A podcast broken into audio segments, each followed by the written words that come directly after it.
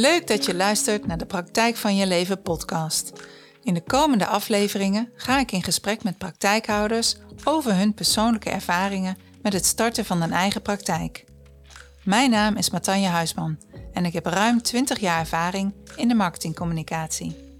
Met mijn bedrijf Praktijk Succes loop ik een tijdje mee met psychologen, therapeuten en coaches op hun pad naar succesvol ondernemerschap. Ik ben nieuwsgierig naar hun verhalen en hoe zij van hun passie hun persoonlijke succes hebben gemaakt. Ik wens je heel veel luisterplezier.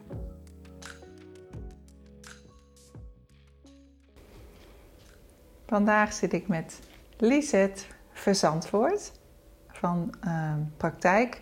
En dan moet je me even helpen. Srivani. Srivani. Ja. En jij bent uh, Ayurvedisch therapeut, masseur. Klopt. En uh, vandaag ben ik in jouw prachtige praktijkruimte. Heel mooi in Zeist uh, ben je gevestigd. Ja. En ik zie hier een, een, mooie stoomdouche en een infraroodcabine en een massagetafel en een heerlijk zitje waar je met cliënten kan zitten. Ja. Echt een prachtige praktijk. Dus uh, nou, dankjewel. Een hele mooie plek ja. voor uh, mensen om te komen, om ja. ze te ontvangen. Ja, klopt. Een hele fijne praktijk. Ja. Ja. En uh, vandaag zou ik het heel leuk vinden om met jou te praten over ja, hoe jouw praktijk tot stand is gekomen. En ehm, ja, misschien wil je eerst bij het begin beginnen door jezelf even voor te stellen en, en ja, te vertellen wie je bent en waar je vandaan komt en wat jouw loopbaan is geweest. Ja, nou, dat is best wel uh, een heel uitgebreide loopbaan, denk ik. Uh, ik ben, uh, ik ben Lisette dus, geboren in Brabant, in een heel klein dorpje. Um, daar ben ik dus eigenlijk opgegroeid, naar school gegaan. En um, ja, het was eigenlijk wel, wel heel apart. Het was, het was een heel veilig dorp om op te groeien. Maar ik vond het, uh, waar ik eigenlijk later achter kwam, dat het voor mij ook heel veel uh, beperkingen had. Dat is natuurlijk een, vrij uh, een, boerendorp. veel ja, mensen die toch eigenlijk een veel kleinere wereld leefden dan waar ik denk ik in zat. En nu kijk ik daar heel anders naar, maar toen ik kind was, en dat uh, kon ik heel duidelijk merken toen ik uh, uit Brabant wegging, dat er een andere wereld voor mij openging. Hè, en ik ging daar voor het eerst weg toen ik voor mijn opleiding uh, SPH ging stage lopen in Doorn. Mm-hmm. En ik kreeg daar andere vrienden. En het was niet alleen maar in het weekend naar het café en biertjes drinken, die ik ook niet lustte. Mm-hmm. Um, en aardappelen, vlees en groente eten. Mm-hmm. Er ging toen ineens voor mij echt een wereld open. En ik ging naar theater in Den Haag met een vriendin. En dat soort activiteiten deden we toen. En ik snapte helemaal niks van dat theater. maar het gegeven dat ik eindelijk naar Den Haag ging, naar een theater, dat was voor mij echt een, een wereldse beleving. Ja. Um, nou, daar ben ik dus eigenlijk begonnen op de SPH. Uh, vroeger heette dat het HBOJ, jeugdwelzijnswerk. En uh, ik heb die opleiding gekozen omdat ik iets moest kiezen. Hmm. Ik heb altijd een heel erg hekel gehad aan school. Uh, ik denk dat ik als kind heel erg in mijn eigen wereldje leefde. En dat was een heel energetisch wereldje ook. Hmm. Ik had een hele rijke fantasie. Ik was heel sensitief ook voor allerlei energieën.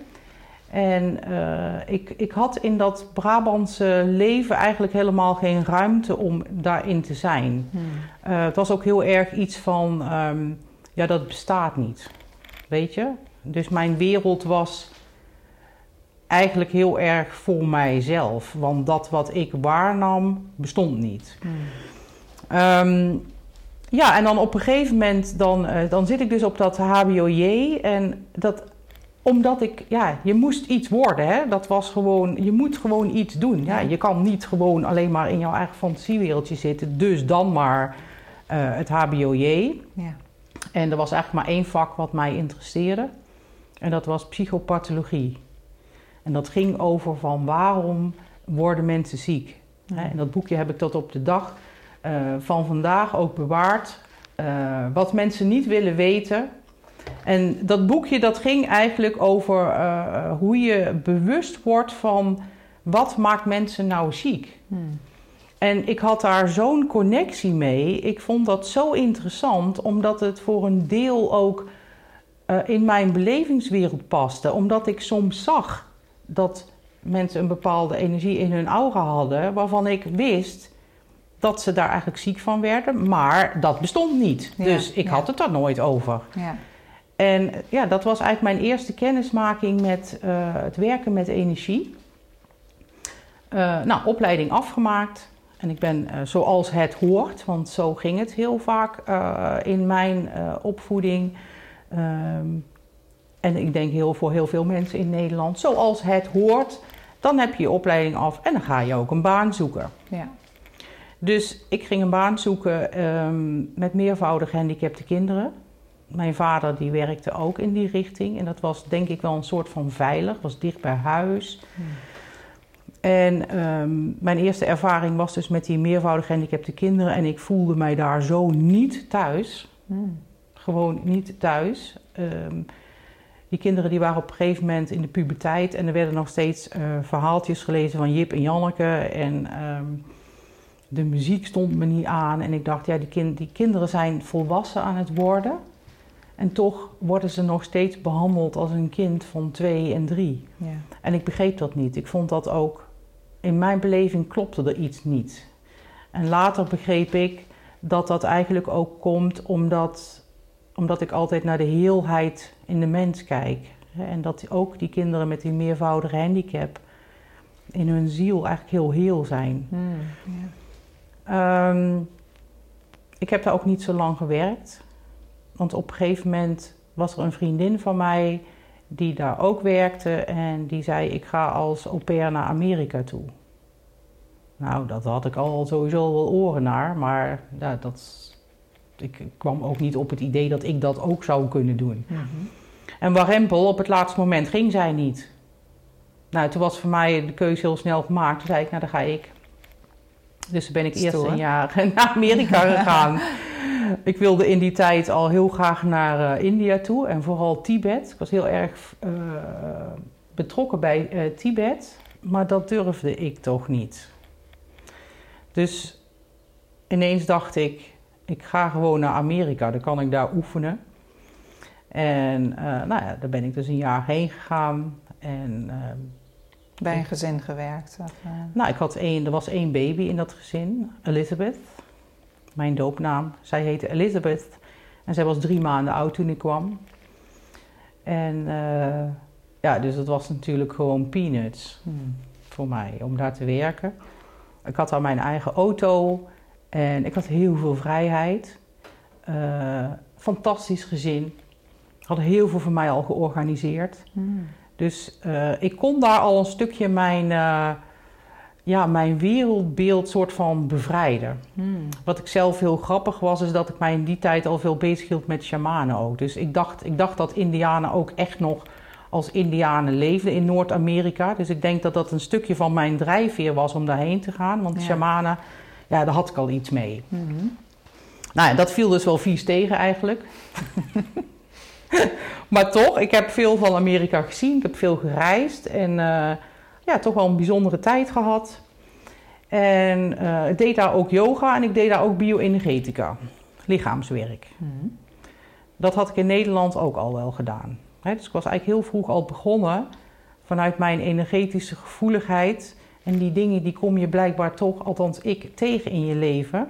Mhm. Dus ik was ook in Nederland al bezig geweest met bioenergetica, met gestalt. Eh, ik had al een opleiding intuïtieve ontwikkeling gedaan toen ik een jaar of twintig was. Dus, maar nog steeds in mijn hoofd zat nog steeds van ja, ik doe dit allemaal wel, maar eigenlijk bestaat het niet. Weet je, het is Mhm. een, eh, het is een wereldje is van mij, maar het Eigenlijk gegeven het bestaat niet, bleef altijd maar gewoon eh, in mijn hoofd zitten. Ja, eigenlijk door het gezin waar je uitkwam, hè, of de, de, de omgeving waarin je opgegroeid bent, was dat niet mogelijk om. eh, ja, nou, ik, denk, ik weet niet of het echt mogelijk was, maar er was, er was geen ruimte voor eigenlijk. Hm. Nee, weet je, ik, ik kom uit een gezin met, eh, met vijf kinderen. En drie broers. En die, ja, die waren altijd buiten en een beetje rouwdouwers. En er was helemaal geen tijd om voor een gevoelig kind hmm. in, in het gezin. Ja. toen ik tien was, is mijn zusje geboren. Nou, dat was voor mij echt fantastisch. dat, dat werd voor mij een soort kind om voor te zorgen. Ja. Het sliep ook bij mij op de kamer, dus dat was eh, gewoon helemaal geweldig.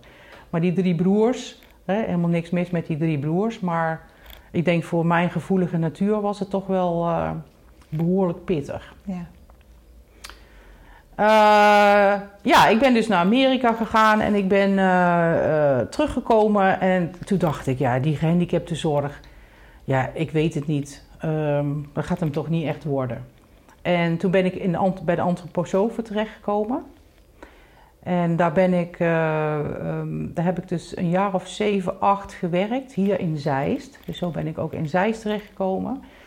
En bij die antroposofen zat ik al veel en veel beter op mijn plek. Omdat Rudolf Steiner natuurlijk ook vrij uitgebreid wereldbeeld heeft, ook veel put uit de Oosterse uh, geneeswijze. Dus daar kwam ik al veel beter op mijn plek. Ik kreeg daar ook veel meer ruimte. Hmm. Dat vond ik heel bijzonder. Ik mocht veel meer mezelf zijn. Hmm. En ik kan mij nog heel goed herinneren dat je. Uh, mijn intuïtieve kant, die werd daar heel sterk benadrukt in mijzelf, in het schrijven van behandelplannen. Hmm. Want het was voor mij een soort van gemak. Je ziet een kind, en ik weet wat hij nodig heeft. Alleen het hele proces daartussen vond ik vervelend dat ik dan moest gaan uitleggen waarom ik deed zoals ik deed. Want dat vond ik eigenlijk niet belangrijk, want het, mm. is, het klopt gewoon. Dus ik heb daar wel een hele fijne tijd gehad bij de antroposofen en ben ondertussen verder gegaan ook met allerlei uh, cursussen op creatief gebied, uh, uh, van, van Afrikaanse dans tot en met mandelaars tekenen, tot en met pottenbakken, tot en met, tot en met echt. Nou, je kan het zo gek niet bedenken. Ik probeerde alles uit, want ik wilde altijd ervaren wat doet iets met jou. Ja, ja. Als je gaat potten bakken en je bent niet gecentreerd, ja, dan zwabbert die pot alle kanten op. hè? Dus ik vond alles, overal zag ik kwaliteiten in. Ja. En, en dat heeft mij enorm geholpen ook om, ehm, om te kijken hoe je met bepaalde kwaliteiten iemand in zijn proces kunt helpen. Dat als je, als je iemand die helemaal niet gecentreerd is, hoeveel baat die kan hebben bij bijvoorbeeld een cursus pottenbakken. Ja. Of iemand die helemaal vast zit in zijn lijf, hoeveel baat kan die hebben bij vrij te gaan schilderen. Ja. Zonder dat het iets moet worden. Dus al die, ik probeerde alles uit een gegeven moment had ik ook voor mezelf een verbod op meenemen van folders. want dan zag ik weer een leuke cursus en uh, nou, alles was leuk. Ehm, ja, bij de antroposofen gewerkt. Op een gegeven moment vond ik uh, Rudolf Steiner, uh, waarvan ik trouwens zelf nooit een boek heb gelezen, want dat vond ik ook veel te ingewikkeld. Ik dacht, nou, daar begin ik niet aan. Maar gewoon zijn manier van werken en omgaan met de kinderen heb ik heel veel van geleerd. Mhm. Ook het vrij mogen zijn in je, in je expressie, in het omgaan met die kinderen. Maar het was ook heel hard werken mm bij de antroposofen, vond ik zelf. En op een gegeven moment ook toch weer te veel structuur voor mij. dus uh, op maandag aten we gerst en op dinsdag aten we uh, rijst en op woensdag aardappelen, want dat had allemaal een reden. En toen dacht ik, nee, zo kan het voor mij niet werken. Het moet, het moet vrijer. Uh, Alles heeft een kwaliteit. Dus een, een, kind met heel veel snottenbellen, ja, die hoeft niet met, met rijstepap s ochtends te beginnen, weet je wel. Dus dat vond ik ook weer niet kloppen. Dus ik ben op een gegeven moment ook weer bij de antroposofen weggegaan. En toen ben ik in, de, in een medisch kinderdagverblijf gaan werken. Uh, met getraumatiseerde kinderen. Ook heel bijzonder om mee te maken. Hele jonge kinderen ook. Uh, kinderen vanaf uh, drie jaar, drie tot zes eigenlijk. Heel bijzonder. Maar op een gegeven moment ook dat, waarom ben ik daar weggegaan? Eigenlijk omdat ik zo graag naar India wilde. Hmm. Ik heb vanaf mijn vijftiende een hele sterke band met India en de Oosterse filosofie.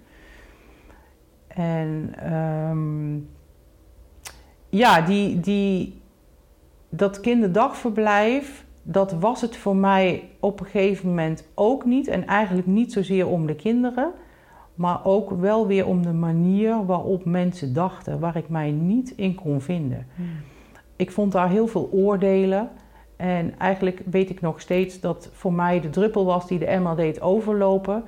Ehm, dat er van een meisje van vier, waar ik mentor van was, van dat gezin, ehm, werd gezegd van, nou, weet je, daar moeten we misschien niet al te veel aandacht aan besteden, het komt toch nooit meer goed. Zij gaat toch naar de overkant. En de overkant was een psychiatrische instelling. Oh, jeetje.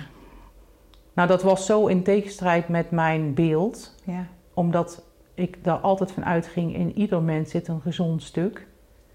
Dat kan niet waar zijn. Het kan niet waar zijn dat je van een kind van vier het idee hebt van, daar kunnen we toch niks meer aan doen, die is te beschadigd. Hmm. Dus ehm, ja, ik, eh, ik ben daar gewoon weggegaan en ik heb me ziek gemeld in eerste instantie. Ik dacht, nou, hier wil ik dus gewoon niet meer werken. En toen kwam ik in een proces van, eh, van wat ga je dan doen? Hè? Dan kom je met, eh, hoe heet zoiets, een arbeidsbureau of zo? Mhm. Arbeidsbureau. Reïntegratie of UWV of... Nou ja. Ja, UWV, Instanties. ik weet niet hoe dat toen heette, maar in ieder geval daar kwam ik terecht. En Ja. Die gingen toen volgens mij een soort programmaatje uitdraaien van wat kun je. Ja. En toen kwam daar onder andere uit iets van magazijnmedewerker.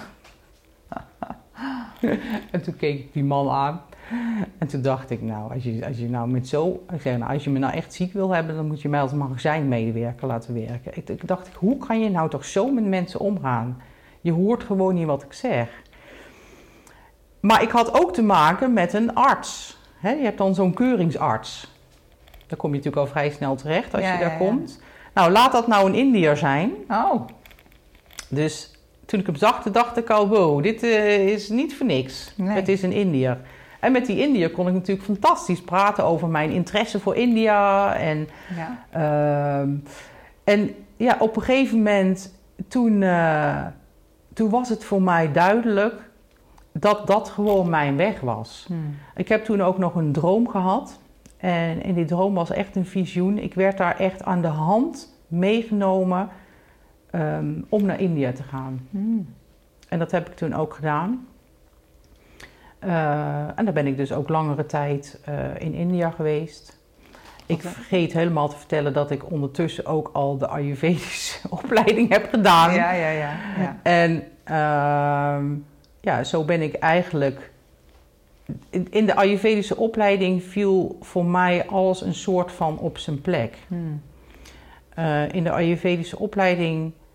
Ik kwam daar terecht omdat ik als kind eh, vaak buikpijn had. En eh, ergens een foldertje, in mijn zoektocht altijd naar foldertjes, een Ayurvedische arts tegenkwam. En die arts, daar ben ik naartoe gegaan.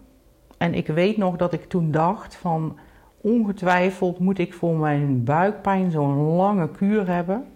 Zo'n dure kuur. Maar goed, ik ga er toch maar heen. En jawel, ik kwam bij die arts en hij zei: Jij moet een Panchakarma kuur gaan doen. Daar heb ik van mijn zus nog geld voor geleend. Ik heb die Panchakarma kuur gedaan. Ik heb daarna nooit geen buikpijn meer gehad. En toen viel alles op zijn plek. Hmm. De kruidengeneeskunde, mijn interesse in het energetische, mijn interesse in de Oosterse filosofie, de yoga, de, eh, de pranayama. Alles viel op zijn plek. Ja. En, en in die tijd dat ik dus op dat arbeidsbureau, nee, bij die arts zit. En die, eh, die natuurlijk helemaal eigenlijk al meegaat in mijn verhaal. Die op een gegeven moment zegt van, ik denk, ik denk dat jouw pad daar ligt. En eh, nou ja, dat was natuurlijk gewoon zo duidelijk dat mijn pad daar lag. Ja. En ja, zo ben ik naar India gegaan. Eh, ik heb daar in een eh, kliniek eh, gewerkt. Ehm, een heel interessant programma had ik daar. Ik ging heel vroeg al naar de yoga. Ik deed twee tot drie uur per dag yoga. Zo. Eén uur yoga, één uur meditatie en één uur pranayama. Dus van zes tot negen was ik op het Yoga Instituut. Even Dan ging ik Even voor de luisteraar, wat is pranayama? pranayama, dat zijn ademoefeningen. En dat deed je dan op een uur. Dus ik leerde daar in dat Yoga Instituut ehm, ja, eigenlijk eh, de, de, de traditionele yoga eigenlijk. Die ook wel behoorlijk afwijkend was van Nederland, vond ik zelf. Ook de manier waarop ze les gaven. Als je niet goed in een houding kwam, dan eh, gingen ze wel even je erin duwen, weet je wel. Hmm. Dus dat was ook een hele harde manier eigenlijk. Eh, binnen dat yoga-instituut leerde ik eh Paramjit kennen. En Paramjit is een yogini. En Paramjit ehm, had net haar vader verloren, is niet getrouwd, want een yogini is niet getrouwd. En Paramjit heeft mij uitgenodigd om in haar huis te komen wonen. Dus ik woonde bij een yoga-therapeut in huis. Oh. Nou, fantastische tijd gehad. Echt helemaal fantastisch. Ik bedoel, als het beste wat je ooit had kunnen bedenken eh, om daar te wonen. Hè. Dus zij leerde mij koken, maar ook als ik eh, muziekles nam, dan belde zij de muziekleraar op. Want dan was de prijs een tiende van wat ik als toerist had moeten Mm. betalen. Dus Oh, al dat ja. soort dingen regelde Ja. zij voor mij. oh, fijn. Ja, dus eh, ik heb nog steeds contact met haar. Oh. En eh, nou ja, dus ik heb daar in India zeg maar heel veel eh, yoga gedaan en heel veel praktijkervaring opgedaan in Ayurveda. Ja? Ehm, Je werkte in een ziekenhuis daar, zei je? een kliniek. Een kliniek. Ja, een kleine kliniek, ja. Hmm. En dat is eh, eh, de kliniek van de arts, had het opleidingscentrum ook in Nederland. Oké. Dr. Meta. En Dr. Meta is eigenlijk de eerste die Ayurveda naar Nederland heeft eh, gebracht. Oké. En bij hem heb ik de eerste weken ook gewoond in zijn huis in Delhi. Oké. Dus ik zat in Delhi. Uitdaging. Mhm. Hele grote uitdaging. Eh zo als je eh, buiten de poort van ons huis kwam, dan elke dag weer... eh, where you from? Where you from? What's your name? What's your name? Nou, daar je gewoon helemaal echt, echt gallisch van. Dus je moest echt leren daar om jezelf helemaal af te sluiten. Ondanks de drukte. En ja, India is voor mij echt... Afgezien nog van het feit van het leren van de Ayurvedische eh, behandelingen... ehm, een, ja, zo'n grote leerplek geweest ook om bij jezelf te blijven. En Yogini die mij leerde hoe je met stress omgaat. En zij was altijd in rust, gewoon. Wat er ook gebeurde. Ik bedoel, dat, dat heeft voor mij zoveel diepgang gegeven in mijn eigen zijn. Hè? Ook, ook door die yoga beoefening natuurlijk. Ja.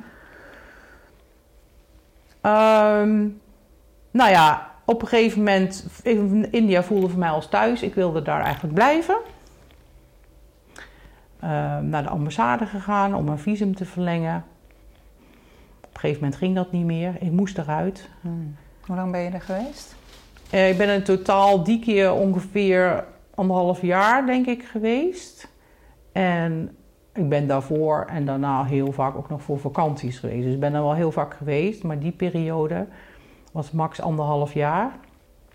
Ehm ben uiteindelijk in India ook getrouwd. Daar ben ik ook weer teruggegaan. Ik ben met een Nederlander getrouwd. Dat was heel grappig eigenlijk, want die is in Afrika, hij was in Afrika opgegroeid. En ons huwelijk werd dus gewoon gezien als ik als christen, hij als een eh, Afrikaanse eh, religie. En wij trouwden op de Hindoestaanse manier. Oh, wauw. Dus ehm, dat was wel grappig. Eh werd alleen gezegd dat eh, de datum van trouwen klopte niet, hè, want ze doen daar astrologisch van alles. Hmm. Nou, er werden een paar ritueeltjes uitgevoerd, maar het heeft uiteindelijk niet gewerkt, want we zijn al een aantal jaren gescheiden. Ja, ja. Ja, en toen kwam ik dus terug in Nederland. En eh, ja, echt wel een soort van toch ook wel teleurgesteld dat ik niet in India mocht blijven. Ehm, en kwam ik ook tot de conclusie van ik geloof dat ik, eh, ik, ik geloof dat ik gewoon in Nederland mijn werk moet gaan doen. Ja. En toen ben ik heel langzaam begonnen, thuis op een kamertje. Eh, Ayurveda was toen nog heel onbekend in Nederland. Ja. Dus de massage was eigenlijk de makkelijkste vorm om daarin te stappen. En een massage was voor mij ook heel makkelijk om in te stappen. Want ik ben echt na één massageles ben ik begonnen. Toen dacht ik, nou dat kan ik ook wel. met mijn boekje zo naast me om te kijken wat ik moest doen. Oh ja. En uh, ja, dat is, dat is wel echt de basis geweest. En op een bepaalde manier ook altijd wel de basis gebleven in mijn werk. Ik denk vanuit mijn voorgaande kennis met um, het kijken naar de energieën van mensen.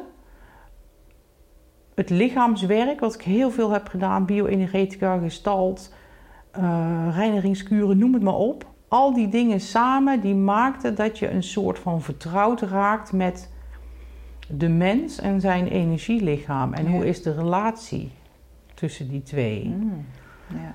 En mijn diepliggende interesse van waarom worden mensen ziek? Ja. ik, was, ik ben altijd van overtuigd geweest dat dat er een, een reden kan zijn, dat er een boodschap is. Mhm. waarbij ik niet wil zeggen dat je alles kan verklaren en dat alles er zomaar is, maar dat er vaak toch een achterliggend iets is. Ja. En uh, ja, dat heeft gemaakt dat ik gewoon begonnen ben echt met een massagetafel in mijn huiskamer, ooit. En langzaamaan krijg je dan een praktijk. Mhm. En zoals het altijd is gebeurd, ik kom altijd de juiste mensen toch wel tegen in mijn leven. Dus op een gegeven moment kwam ik ook een acupuncturist tegen en die zei van wij gaan een, uh, een boerderij starten in Eemnes met verschillende disciplines. Zou jij daar ook willen werken? Heb ik gedaan. Mhm. Fantastische plek. Uh, heb ik ook jaren gewerkt. Uh, maar ik deelde mijn kamer met de acupuncturist. En die praktijk wordt natuurlijk groter en groter. Ja. En op een gegeven moment ook een uh, nieuwe partner tegengekomen. En uh, nou hebben we dit huis in Zeist gekocht en ben ik thuis gaan werken. Ja. Dat is sinds 2020, zei je? Nee, dat is sinds 2013 zijn wij hier in dit huis gaan wonen en hebben mhm. dus de praktijk gemaakt. Mm Ja. Een hele mooie plek. Een hele mooie plek. Ja. Een hele fijne plek. Ja. ja. En um, jij bent uh, begonnen als masseur, maar uh, de Ayurveda is natuurlijk uh, is veel meer dan dat. Ja. En um, hoe is dat proces gegaan dat je van dat je toch die kruiden en eigenlijk alle andere ja, tools, noem ik het maar even. Consulten, ja. Door middel van consulten. Ja. Um, want hoe krijg je dat verkocht? Hè? Want we zitten hier toch ook een beetje om te praten over van hoe je je praktijk succesvol maakt. Maar hoe, hoe is dat gelukt uh, voor jou? Ja. Nou, ik, uh, ik kan mij dus nog herinneren dat ik uit India terugkwam en naar het arbeidsbureau ging. Want ja, dan moet je, nou, dan moet je een baan zoeken in Nederland. Hè? En dat die man vroeg van, ja, wat wil je? Ik was toen net twee dagen terug. Toen dacht ik, ja, wat wil je? Hoezo, wat wil je? Wil ik iets dan? Maar het, gewoon, het hoort dat je naar een arbeidsbureau gaat. dus ik dacht, wat wil je? Nou, toen ben ik maar weer naar huis gegaan en ben ik echt gaan nadenken over, ja, wat wil ik inderdaad?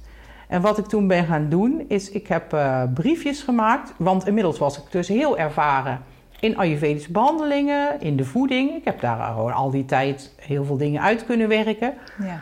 En ik heb briefjes gemaakt en die ben ik gaan ehm, had je toen al mail? Ik neem aan van wel. In ieder geval, die kwamen terecht bij yogatherapeuten.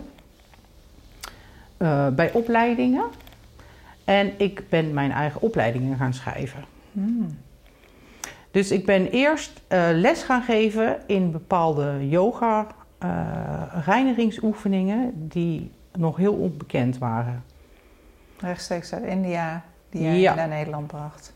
Ja, we hadden vooral ah. betrekking op het reinigen. En één daarvan is inmiddels best wel meer bekend. Dat is de Neti-pot. Dat is een neuspoelkannetje. Mm waarmee je ehm, ja, niet alleen je neus reinigt, maar ook invloed uitoefent op het parasympathicus en sympathicus. Okay. Nou, dat soort technieken, mhm. die ik dus had geleerd, ben ik gaan lesgeven op yogascholen. En zoals ik zei, ik kom altijd de juiste mensen tegen. Dus op een gegeven moment was ook een stel, die hadden een yogaopleiding in Amsterdam. Mhm. De Jan, het bestaat nog steeds. Um, Yoga Academie Nederland. En daar ben ik uh, Ayurveda-lessen gaan geven. Hmm. Ik denk dat het een van de eerste opleidingen was die met Ayurveda-lessen kwam. Ehm, was een hele uitdaging voor mij, want ik was eigenlijk heel verlegen. Dus ik vond dat heel spannend om, om Ayurveda-lessen te gaan geven. Ja. Eh, terwijl mijn Ayurvedische docent hier in Nederland altijd al had gezet van... Lisette, jij gaat lesgeven. Nou, ik vond het wat hoor. Dat had echt een hoofdpijn eh, gebeuren, de eerste lessen. Maar goed, ik heb dat eh, een jaar of tien gedaan. Een klasgenoot van de Ayurveda-opleiding was inmiddels een opleiding begonnen in België. In Gent. En die vroeg mij van, wil jij eh, hier een massageopleiding geven... en wil jij ook alle praktische, eh, de yoga, eh, de Ayurveda-behandelingen... en daar les in gaan geven. Heb ik ook tien jaar gedaan in Gent. En ik heb mijn eigen massageopleiding gestart, een voedingsopleiding en algemene Ayurveda-opleiding. Zo, dat is een hele Dus wat, volle cv. ja, ik was echt helemaal into Ayurveda natuurlijk. Ja. Dus eh, ja, ik zie daar de mapjes allemaal nog staan. Yoga Ayurveda, voedingsopleiding. ja.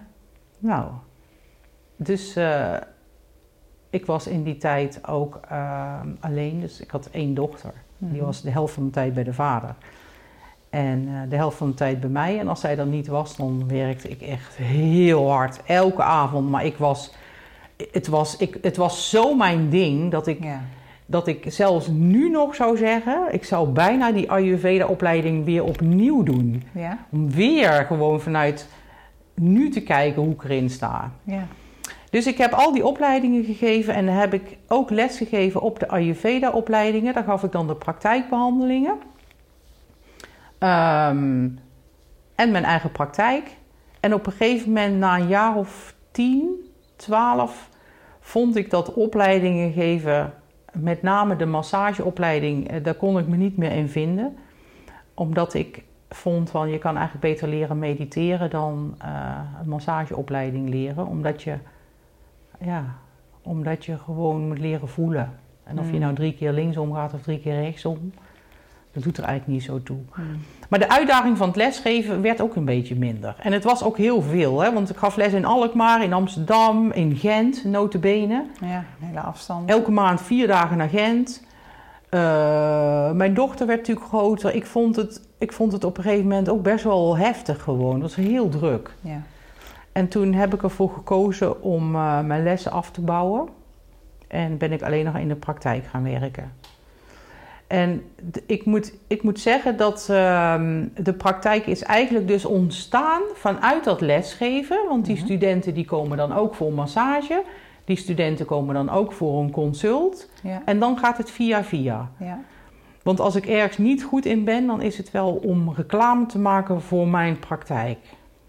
Dat Er zijn er meer met jou hoor. De website, op een gegeven moment, eh, dat is mij echt een hoofdpijndossier. Maar ook daarin kom ik de goede persoon tegen. En in uitwisseling voor behandelingen heeft iemand voor mij die website gemaakt. Ehm, ja, en zo wordt het dan steeds professioneler. Je gaat natuurlijk bij een beroepsvereniging. Dat begon allemaal heel klein met die beroepsvereniging. Maar elk jaar kwamen er nieuwe wetten bij. En totdat ik dus eh, per 1 januari eh, 2023 besloot... ik word helemaal gek van die wetten. En het, het, het- de map wordt steeds groter met waar ik aan moet voldoen. En ik wil nergens meer aan voldoen. Ik wil gewoon mijn eigen ding doen. Ja. Maar de praktijk is dus echt ontstaan via, via, via. Ja. Ja. En door, denk ik, wat, ja, wat ik heel belangrijk vind, ehm, dat je echt vanuit je hart die passie ook, dat, dat zit denk ik zo verweven in het werk, Hmm. dat je, no- ik heb nooit het idee dat het echt werken is. Weet je, het is zo wat ik ben Ja. en het is zo alles wat ik ooit gedaan heb, waarvan je denkt, ja, waarom ga je nu weer eh, eh, drie maanden deze cursus doen? Eh, Waarom ga je nu weer dit doen? Maar alles, alles valt op een gegeven moment samen. Alles heeft kwaliteit, alles heeft een energie. En met die energie kun je werken. Ja. Ja, het klinkt ook heel erg alsof je het altijd heel op je eigen manier hebt gedaan. Ja, Hè? Dus eh, Ja. je ziet iets, eh, trekt je aandacht en je denkt, hé, hey, daar, moet ik Ja. even, daar moet ik zijn. ja, En dan loop je een tijdje mee en dan, dan besluit je zelf ook weer van... Oké, dit heb ik nu gedaan, nu ga ik naar het volgende. Of, Ja. hè, nu is er weer een tijd voor iets nieuws. Ja. En daardoor haal je natuurlijk heel veel ervaring op. Ja. Hè, aan alle kanten. Dus eh, Ja. zoals ik het nu van jou hoor, denk ik... Wauw, je hebt echt heel veel ehm, expertise opgedaan in de afgelopen jaren. Ja. En gevoed met je passie voor het vak en voor eh, gezondheid en Ja. voor ehm, eh, het, het leven en de, en de mens. Hè, het mens werkelijk helemaal zien. Ja. Ehm, ja, dat past helemaal in het plaatje van de succesvolle praktijk. Ja. Want dan heb je uiteindelijk, als je daarmee je geld kan verdienen... Ja. in mijn beleving is dat succes. Hè? Ja. Want dan, eh, zoals ik het zie. Ja. Want ehm, heb je de, eh, kijk, die opleiding heb je gedaan natuurlijk. is misschien ook een manier geweest om inkomen te kunnen genereren. Hè? Want het hebben van een eigen praktijk kan nog best soms een uitdaging zijn om, om je hè, cliënten te krijgen. Totdat dat vliegwiel gaat draaien. Ja. Hè? En dus hè, die mond-op-mond reclame komt. eh, je een Ja. goede website hebt en eigenlijk alles elkaar ondersteunt. Ehm, Ik had ook nog een baan in die tijd, hè? Want ik heb dus mijn nog. pedagogisch werk. mijn laatste baan was in het revalidatiecentrum in Utrecht. mhm. In de vroegbehandeling. Dus met jonge kinderen. Eh, daar werkte ik dan als pedagogisch medewerker. En die baan die was tot twee uur. En nou, die betaalde best goed. Dus ik had daarin de mogelijkheid, ik geloof dat het ook vier ochtenden was, ik had daarin de mogelijkheid om en mijn inkomen te, eh, zeker te stellen en daarnaast mijn praktijk op te bouwen. Ah, ja. Ja. En op een gegeven moment heb ik daar als groepshoofd gewerkt en dat was nog een jaar dat ik inviel voor iemand. En na dat jaar was mijn praktijk ook voldoende om daarmee verder te gaan. Ja, ja. Dus ik heb wel zeg maar gezorgd dat ik werk had en het langzaam dat kon afbouwen. Ja. Nou ja, dat is, dat is een hele goede manier, denk ik. eh, hè, want dan heb je enerzijds die zekerheid van inkomen. En dan kun je daarna, eh, daarnaast heel goed eh, die opbouwfase ingaan. Maar er komt natuurlijk zo'n tipping point inderdaad. Ja. Van, ja het, het wordt Ja. nu zo druk in mijn eigen praktijk. Sommige mensen bouwen af. Hè, die gaan inderdaad minder uren werken, nog minder uren, nog minder uren. Ja. Of ga je in één keer volledig voor eh, een volle praktijk. Ja, dat is natuurlijk ook de strategie die je Ja. eh, kan gaan uitwerken voor jezelf. Van wat vind ik belangrijk. Ja. Ehm, en dat heeft eigenlijk eh, alles te maken met ja, die passie van je. Die expertise Ja. die je al hebt. En nou ja, uiteindelijk hoe je dat dan uitzet in een, in een praktijk die ook financieel succesvol is. Ik ervaar ook wel dat de passie, want eigenlijk is dat wat ik in de praktijk ook wel vaak bij mensen tegenkom, dat het leven vanuit je passie is zo ongelooflijk belangrijk. Dat, kijk, we zijn allemaal ergens misschien wel onze passie van wat wilden we nou echt als kind? Wie ben je echt? Wat wilde je? Ik wilde spelen met energie, dat was mijn leven. Maar omdat dat ongrijpbaar is, is het lastig om daar je werk uit te halen. Maar ergens ben ik wel trouw gebleven aan mijn eigen passie. Ja. En heb ik dan toch gezorgd, hè, eigenlijk vanuit mijn, mijn Brabantse opvoeding, van ja, je moet wel voor jezelf kunnen zorgen. Hè, en je moet, je moet gewoon in deze maatschappij kunnen functioneren. Hè, ik denk dat mijn ouders zich best wel eens eh, zorgen hebben gemaakt van hoe gaat zij ooit, eh, hoe gaat zij ooit er geld verdienen. ja. Want eh, ja, dat was toch wel een beetje anders. Maar ik heb het dus eigenlijk gecombineerd. En in die zin is dat ook goed. Ik heb dat stuk meegenomen uit mijn opvoeding. Ik Mhm. neem de verantwoordelijkheid dat ik mijn geld verdien. Ja. Maar ik blijf trouw aan mijn passie. En dat was soms een lastige. Ja. En helemaal 100% is mijn passie er nog niet. Want het is eigenlijk sinds ik met de hart en brein, met Anouk Bin- Bindels in aanraking ben gekomen, Mhm. dat ik voel, wow, er zit nog een diepere laag onder. Ja, ja, Dat ik echt helemaal mijn passie kan zijn. ja. Ja, en dat gaat natuurlijk heel erg over je, de verbinding met jezelf, met je authentieke zelf. Ja, en ergens onderweg hè, van dat onschuldige kind wat, wat hè, die energieën voelt, dan ga je toch een beetje afschermen. Hè? Toch Ja. een beetje het voor jezelf houden. Ja. En niet helemaal volledig authentiek zijn. Nou, zeker. Ja. Zeker. Het bestaat niet. Ja. Het, eigenlijk bestaat het niet. Dus als kind raak je enorm in de war. Ja. Ik zie wat, ik voel wat, maar het bestaat niet. Dus dat, dat is eigenlijk, nu ben ik 61 en dat is, heeft heel lang, is dat een soort toch onderstroompje geweest. Ik heb ook heel lang niet op mijn website, volgens mij staat het er eigenlijk nog niet op, dat ik mediumopleidingen heb gedaan Mm. of readingopleidingen. Want het blijft dan het kantje hebben van, nou, eigenlijk bestaat het niet. Snap Ja. je? Dat wordt een onderstroompje. Ja. En dat kost heel veel ehm, tijd, merk ik althans in mijn eh, situatie, om dat helemaal te laten zijn en om dat werkelijk te zijn. En hoe ouder je wordt, eh, kijk, ik hoef nu ook geen carrière meer te maken, dus is het misschien ook wel makkelijker om gewoon ja, het, eh, de beste versie van jezelf te gaan zijn. Hè? Want Ja. ja, er is niemand die nog tegen mij zegt, eh, zelfs geen beroepsvereniging meer, van zo moet je het doen. Nee. Nee, je bent nu volledig vrij. Ik ben volledig vrij. Ja. Dus eh daar zeg ik ook van hoe ouder ik word, hoe vrijer het leven wordt. Ja. Ja, heel, dat klinkt heel fijn. ja. En heel ja, waardevol om dat nu dan te ontdekken van... hé, hey, ja, ik kan hier nu voor gaan ja, eh, en volledig eh, mezelf zijn. ja. Ja, en, en ook te weten dat je dus toch ook weer de juiste mensen daarvoor ontmoet. Dus in die zin heeft Anouk voor mij heel veel betekend Hmm. de laatste jaren. Hmm. Omdat zij dat stuk wel zag, Ja, dat authentieke zelf. Ja. En dat geeft dan net even die, die, die bevestiging van ja, het is ook goed, weet je wel? ja, Het is ook oké. ja. En wat anderen vinden, doet er eigenlijk niet meer zo toe. Nee. En dat je daarbij ja, eh, vertrouwen mag hebben over dat het oké is. Ja, dat vind ik zo'n eh, inzicht. Want we kennen elkaar natuurlijk vanuit het hart en brein Ja. eh, werk met Anouk. ja, En ik herken dat heel erg sterk, ja. Ja. ja.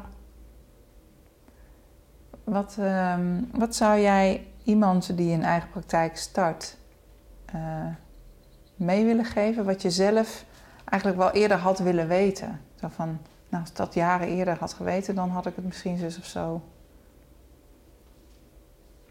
Nou ja, wat ik, wat ik een heel belangrijk ingrediënt dus vind, is die passie. Hè? Van blijf, blijf geloven in je passie. Hè? En, en zoek daar de vorm voor dat je het uiteindelijk tot jouw praktijk kan maken. Want ik denk dat je authenticiteit leven echt je succesformule is. Ja. Eh, wat ik wel heel erg eh, gemist heb, is gewoon de hele administratieve kant rondom een praktijk. Daar ben ik toch, althans, is daar niet veel bij komen kijken in mijn opleidingen. Dus je moet door schade en schande wijs worden. Ja. En het is door de loop der jaren eh, natuurlijk steeds uitgebreider geworden. Hè? Maar dat je inderdaad rekening moet houden van hoe ben je verzekerd? Hoe zit het met je aansprakelijkheid? Hoe hou je een dossier bij? Ehm, hoe maak je een factuur?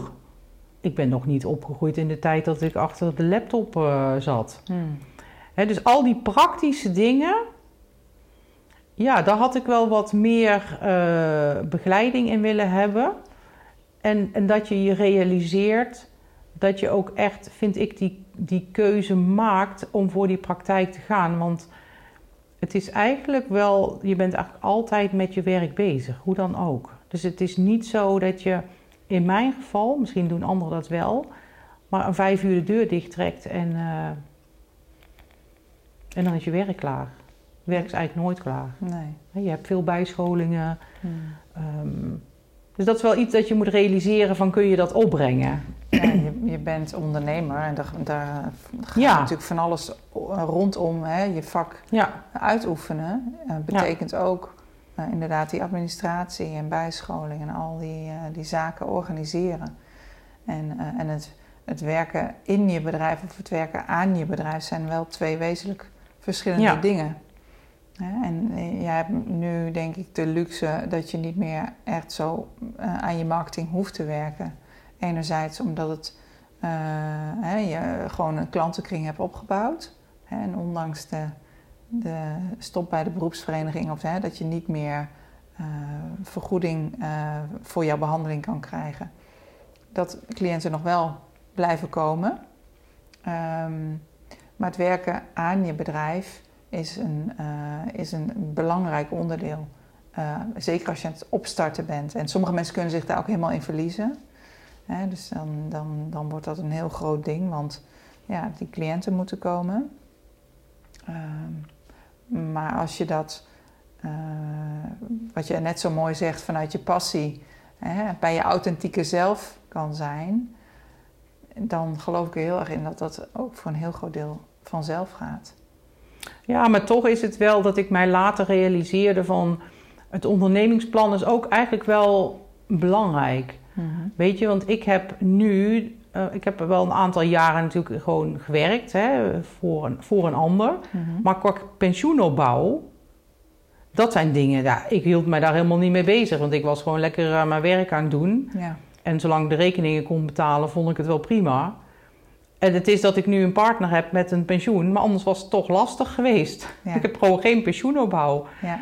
Ik heb ook dat ik mij op een gegeven moment realiseerde uh, in de tijd van de lockdown bijvoorbeeld, als je dus niet werkt, je moet altijd reserves hebben. De belasting weet je ook nooit wat die gaat doen, hè? die kan je ook nog wel eens voor verrassingen ja. uh, zetten. Maar ook het ziek zijn. Ik had zeker in de jaren dat ik alleen was, ik had geen reserves. Om, uh, ik, ik, ik kon het allemaal wel redden in mijn eentje, maar dat was het dan ook. Ik had geen reserves. Als ik langdurig zou uitvallen, de kosten voor een ziektekostenverzekering waren zo duur. Dat ik dacht, nou ja, op hoop van zegen dan maar. Maar feitelijk zijn dat wel allemaal aspecten die je mee moet nemen. Ja. ja, en dat is nog steeds heel duur. Om je als uh, ja. zelfstandige te verzekeren voor arbeidsongeschiktheid bijvoorbeeld. Ja. Daarom zit ik bijvoorbeeld bij een broodfonds. Ja. Dat is voor sommige mensen ook ja. uh, dat is echt een interessant. Als je langer dan een jaar zeker. onderneemt, kun je bij een broodfonds aansluiten. Ja. Um, maar ja, het zijn allemaal zaken die je wel mee moet nemen in, uh, in, in je plan eigenlijk. Hè? Ja. Dus het goed voorbereid zijn is zeker wel een, zeker. Uh, een, een ja. belangrijke factor. Ja. En dat zijn toch dingen die je ja, door de loop van de tijd realiseer je wel. Maar als ik dus alleen was gebleven en ik had het goed bekeken, ja, dan was het denk ik toch ook in deze tijd, ook met lockdowns, was het wel lastig geweest. Hmm. Ja, dan zit je in een positie ja, dat ik een partner heb die een inkomen heeft. Mhm. maar dat, daar, daar is toch belangrijk, denk ik, om daar ook goed van op de hoogte te zijn. Dat je niet, niet alleen met je passie er ook weer niet helemaal komt. Ja, nee, daarom is die, zijn die drie aspecten ook zo van belang. Hè? Dat die eigenlijk in balans zijn.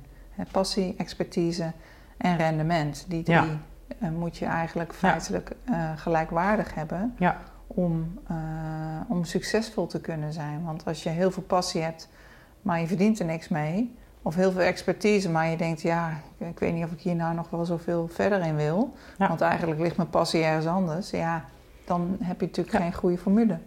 En waar ik heel erg ook mee geworsteld heb, is met het, het geld vragen voor je passie. Hmm. Want het lijkt een soort van, van hobby. Je werk wordt een soort van, ja, je passie, je hobby. En dan moet je daar geld voor gaan vragen. Ja. En dat heb ik echt heel lastig gevonden. Hè? Om geld te vragen voor iets wat je, ja, wat je toch wel fijn vindt om te doen. En hoe, hoe ben je daarmee omgegaan? Hoe, hoe is dat wel gelukt? Dat, deels is dat dan wel de steun, vind ik, van een beroepsvereniging. Hè, en intervisies die je hebt, waarin dat soort onderwerpen natuurlijk besproken worden. Ja. Hè, bij jezelf ook nagaan van waarom zou ik daar geen geld voor moeten vragen? Waarom moet ik het gratis doen? Ja dus dat vraagt ook wel wat onderzoek in jezelf. Van, mhm. Vind ik mezelf eigenlijk wel goed genoeg om daar geld voor te vragen? Ja, je eigen waarde. Hè? Je eigen waarde, dus die kom je daarin ook tegen. Ja, ja dus dat soort dingen. En, en nog steeds uh, is het niet mijn sterkste kant. Ik mhm. bedoel, uh, ja, het, ik, ik heb nog steeds snel de neiging om te zeggen... als iemand het niet kan betalen, nou kom dan maar. Hè? En dat vind ik ook, dat vind ik ook oké. Okay, voor studenten bijvoorbeeld, of mhm. hè, mensen die het echt niet hebben... Maar ik merk ook wel vaak dat het is van wat heb je ervoor over om voor jezelf uh, goed te zorgen. Hè? Dan is het eigenlijk niet mijn stuk. Mhm. Maar als, je het voor je, als, als die cliënt het niet waard vindt om dat geld voor zichzelf uit te geven. Ja. Dus het blijft altijd nog wel een beetje zoeken. Ja.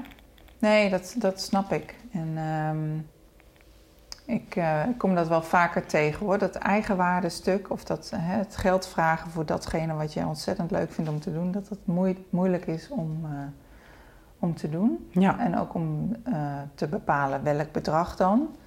dan. Dan is het inderdaad wel een goede tip om dan bij je beroepsvereniging of, rond te vragen, bij collega's te toetsen van wat doen zij en wat is ja. gangbaar. En en dan ga je, het ook meer, dan ga je er ook meer achter staan en dan ga je het meer ownen zelf. Van ja, dit, dit ben ik waard, want ik lever ook waarde. Het is een toegevoegde waarde die jij uh, biedt. Ja. Dus, uh, maar daar komen, dat... Uh... En dat vind ik ook wel het, het, het, grappige wat er eigenlijk is gebeurd... doordat ik dus vanaf 1 januari niet meer vergoed word door die ziektekostenverzekeraars. Dat je dus, mensen moeten het nu helemaal zelf betalen... Mm dat ook die groep overblijft die heel bewust aan zichzelf wil werken. Ja. ja. want ja, natuurlijk komt het wel eens voor dat iemand dan vindt het wel lekker om een massage te krijgen. Maar daar zit eh, officieel meer aan vast. Hè? Het gaat niet zozeer over die massage, het gaat over lichaamsbewustzijn. Ja. Het gaat over uh, uh, zelfreflectie. Hè? Dus, dus ja, daar is ook de ziektekostenverzekeraar niet voor. Hè? Om gewoon voor een massage te betalen. Nee. Dus de groep mensen verandert. En dat, dat is nu, na twee maanden, is dat heel zichtbaar. Hmm. Ja. Mensen die nu komen... Kiezen heel bewust. Kiezen heel bewust. Ja. ja. Dat vind ik ook wel weer, weer mooi. Ja. Ja. Ja, ja, je ideale cliënt komt dan uiteindelijk. Ja, ja. ja. ja. Precies. Heb, heb je die, een ideale cliënt? Nee. Nee, er is niet. Kijk, het, het fijnst werkt het voor mij met mensen die echt bereid zijn om, om die diepte in te gaan. Om samen te kijken. En die vraag komt natuurlijk ook vaak. Hè? Om mm. samen te kijken van... Zou ik zelf iets aan mijn ongemak kunnen doen? Aan mijn disbalans? Ja. Uh, kan ik anders gaan eten? Um, Mensen zitten vaak vast in overtuigingen, hebben veel stress. Er is gewoon zoveel stress in deze maatschappij, hebben angsten. En ja, de ideale, het, de ideale situatie voor mij, dat die eigenlijk optimaal werkt, is wel dat je energetisch echt zeg maar op elkaar intuned. Mm dat die persoon zich zo veilig voelt dat hij ook eigenlijk durft te zijn. En daar is massage een fantastische tool voor. Ja. want door aanraking voel je vaak of je voelt de onveiligheid, dat kan ook. Mhm. Maar dat bouw je natuurlijk op als iemand zich onveilig voelt. En dan, dan eigenlijk is het net alsof of je dan op elkaar inplugt. Ja. En dan krijg je een soort energetisch veld waarin je ook echt achter het fysieke lichaam kijkt. Hmm. En ziet wat er op een dieper level eigenlijk zich afspeelt. En dan kun je heel langzaam kijken van... hé, hey, ziet die persoon dat ook? En voor mij is het dan ook aan het einde als, um, als het echt helemaal voor mij ook het werk soort van klaar is met die cliënt, want je werkt eigenlijk samen, mhm. dan hoor ik letterlijk ook een klank. Mhm. Dat is mijn geschenk. Hè? Dat is ook de klank die hier getatoeëerd is uh, op mijn arm. Mhm. Dan hoor ik letterlijk die aumklank. Dat is een soort van, ja, in aum is alles en in aum is ook niets. Dat is zo volledig en dan ben je echt in het helende veld. Hmm. En dat is, dat is, ja, dat gebeurt regelmatig. Maar als het niet gebeurt, is het ook goed, hè? want iedereen is daar waar die is. Ja. En dat vind ik, de ideale cliënt is er dus niet. Want ook de cliënt die wel eens hier komt, uh, laatst nog een mevrouw die uh, was heel boos, want die kon het niet vinden. Die was met de fiets en. En later, uh, ze komt dus binnen, kopje thee gedronken. En later zegt ze tegen mij: Ik vond het eigenlijk zo bijzonder dat je niet boos werd op mij. Nou, waarom zou ik boos worden? Weet je, je mag ook hier boos aankomen. Er is niet de regel van je moet hier uh, glimlachend binnenkomen. Dus ja. ook zij is een ideale cliënt. Ja, ja, ja, ja. Maar in de basis gaat het denk ik wel over dat mensen willen werken aan hè, en willen kijken naar zichzelf uh, door middel van, nou ja, de, uh, dat wat jij aanreikt. Hè, dus de massage. En ja. zichzelf eigenlijk willen helen ook. Uh, ja. Door middel van de Ayurveda. Ja, of door middel van. eh, ik zie vaak in een, eh, in een beeldentaal, hè, symboliek. Ik zie heel veel symboliek. Ik denk dat daar een stuk van mijn kracht eh, zit. Ehm, ja, als ik een situatie noem, dat van de week was iemand hier en er kwam echt heel duidelijk dat beeld ook naar boven van een pauw. Eh, iemand die een nieuwe baan heeft. Eh, ik, zag, ik zag haar gewoon letterlijk als een pauw over dat podium gaan van haar nieuwe werkveld. En haar veren gewoon hè, helemaal showen. En dat is een beeld. En dan de kunst is dan om dat zo te vertalen dat die persoon ook begrijpt waar ik het over heb. Ja. Want er zijn ook mensen die zeggen, ja, hoezo pauw? Oh, een pauw, ik kom hier voor massage. Ja. Snap je? Dus je moet altijd afstemmen. Van wat geef je iemand terug? Ja, ja. Wat geef je iemand niet terug? Soms zie ik dingen, dan denk ik, nou, dat is ook niet verstandig om dat terug te geven. Hmm. Hè, mensen die eigenlijk terminaal ziek zijn, dan kan je wel eens wat zien. Kan ik wel eens wat zien, maar dat is niet altijd wijs om die informatie te geven. Dus dat is ook, vind ik, een hele, hele integere iets. Ja. Hè, van wat geef je mensen terug? Ja. Ja. Het is niet, ja, wat misschien een, een reguliere arts misschien wel eens zegt van nou, ik denk dat je nog misschien drie maanden te leven hebt. Ja, dat is informatie. Ik bedoel, ja, het, zo zie ik het gelukkig ook niet, maar het is ook geen informatie die ik zou geven Nee. zelf. Nee, nee, nee. nee. Je wil mensen ook met een ehm, hoge energie weer naar huis sturen, denk ik. Hè? Ja, in verbinding brengen met het gezonde stuk in, hun, in hunzelf. Hè. Ja. Je kan iets hebben, maar je bent het niet. Hmm. Je kan reuma hebben, maar je bent niet reuma. Er is een heel gezond stuk in ieder mens. Op je ziel, dat is altijd mijn overtuiging geweest. Van op, op zielsniveau ben je gewoon gezond. En met dat gezonde stuk kan je verbinding maken. En vanuit dat gezonde stuk kan je leren kijken naar jezelf. En kan je dat ongezondere stukje omarmen en kijken wat dat ongezonde stukje nodig heeft. Ja. Dus dat is een hele andere manier van eh, kijken. En daarin is ook niet goed of slecht. En je bent waar je bent. En er is niet iets wat beter is dan iets anders. Je bent gewoon waar je bent op dat moment. En dat is oké. Dus oordelen, vandaar dat ik ook altijd zeg behandelingen liefst in stilte, zodat ja, die energieën zich ook op elkaar af kunnen stemmen en gebeurt er wat er gebeurt. Ja. En soms wordt er wel iets gezegd daarna en soms ook niet. En dan is het ook goed. Hmm. Soms voel je ineens een pijn opkomen. eh, Die cliënt die hier ligt. En is dat eigenlijk ook goed? Dan vraagt dat om aangekeken te worden. Dus Ja. snap je dat, dat er voor mij in, in geen regels meer zijn in een massageopleiding van je gaat drie keer links en je gaat drie keer rechts en dan strijk je twee keer over de rug en dan eh, ga je naar, door naar de benen. ja, nee. Terwijl je wel een kader natuurlijk nodig hebt om te beginnen. Ja, maar je stemt volledig af op degene die eh, op je Ja. bank ligt. Ja, en je neemt alles daarin mee. Alle kwaliteiten. Aarde, water, vuur, lucht, ether. Alle... Ja, hoe, hoe voelt een huid? Is die hard? Is die zacht? Heeft die bultjes? Heeft die vlekjes? En niet dat je daar iets mee doet, maar je neemt alles mee. Hoe praat iemand? Eh, hoe zit iemand? Hoe komt hij binnen? Hoe maakt hij een afspraak? Verandert hij elke keer de afspraak? Eh, komt hij niet opdagen? Komt hij te vroeg, te laat? Ja. Alles neem je Ja, ja. als een soort allemaal van... informatie. Allemaal informatie. Ja, ja. Wat heeft hij aan? Hoe komt hij? Sommige mensen die komen hm, met een plank gas het plein oprijden. Moeten waarschijnlijk meteen door naar de vergadering, naar de Ja, massage. Ja, ja, ja. Springen snel onder de douche, want kunnen ze naar de vergadering. Die mensen heb je ook. Is ook goed, want daar zijn ze. Ja. Totdat het moment komt dat ze zeggen, ja, ik heb zo'n stress. Ja, ja. Ja, nou ja, dan heb je misschien ook wel een beetje bijgedragen aan de bewustwording daarover. ja. Het is toch in ieder geval een rustig moment hier gehad. Ja, Ja, ja. dus dat. Nou, mooi. Ik vind het een heel indrukwekkend verhaal, eh Lisette. Wat jij, eh, jouw loopbaan eh, allemaal eh, met zich mee heeft gebracht. En hoe, ja, echt een mooi om te horen hoe ervaren je bent. En hoe je daar je, in je eigenheid ook vorm aan hebt gegeven. Ja.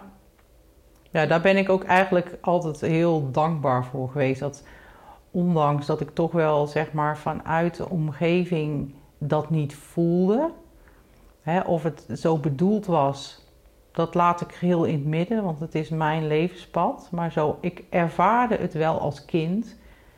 Ik ervaarde wel dat ik toch wel anders was dan anderen. Dat Mm. biertje drinken in de kroeg elke zaterdagavond, dat was mijn leven niet. Maar dat je dan toch trouw blijft, diep van binnen, ehm, ja, aan je eigen passie. En, ja, en, en, en toch die weg blijft volgen. En, en dan te weten dat je altijd de goede mensen tegenkomt. En dat is natuurlijk op een gegeven moment een vanzelfsprekendheid. Ja, Te weten dat ik jou niet voor niks tegen ben gekomen. ja. Ja. En dat alles wat je tegenkomt je toevalt in plaats van dat het toevallig is. Ja, ja mooi. Ja, Mooie afsluiter. Dankjewel, Lisette, graag gedaan. voor dit fijne gesprek. Ja. En eh, ja, waar kunnen mensen jou vinden?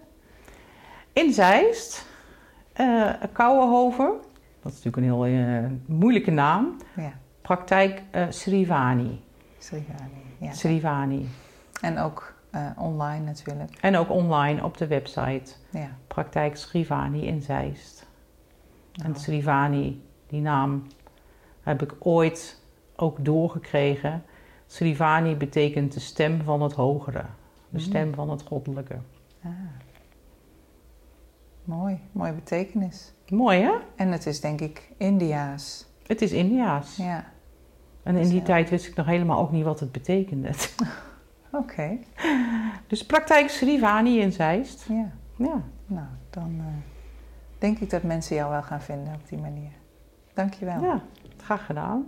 Dankjewel voor het interview. Nou, graag gedaan. Vond jij dit nou een leuke aflevering? Klik dan op volgen bij de Praktijk voor je leven podcast en dan word je automatisch op de hoogte gebracht van nieuwe afleveringen. Je doet me helemaal een plezier als je ook een positieve review schrijft of mij 5 sterren geeft in je favoriete podcast app.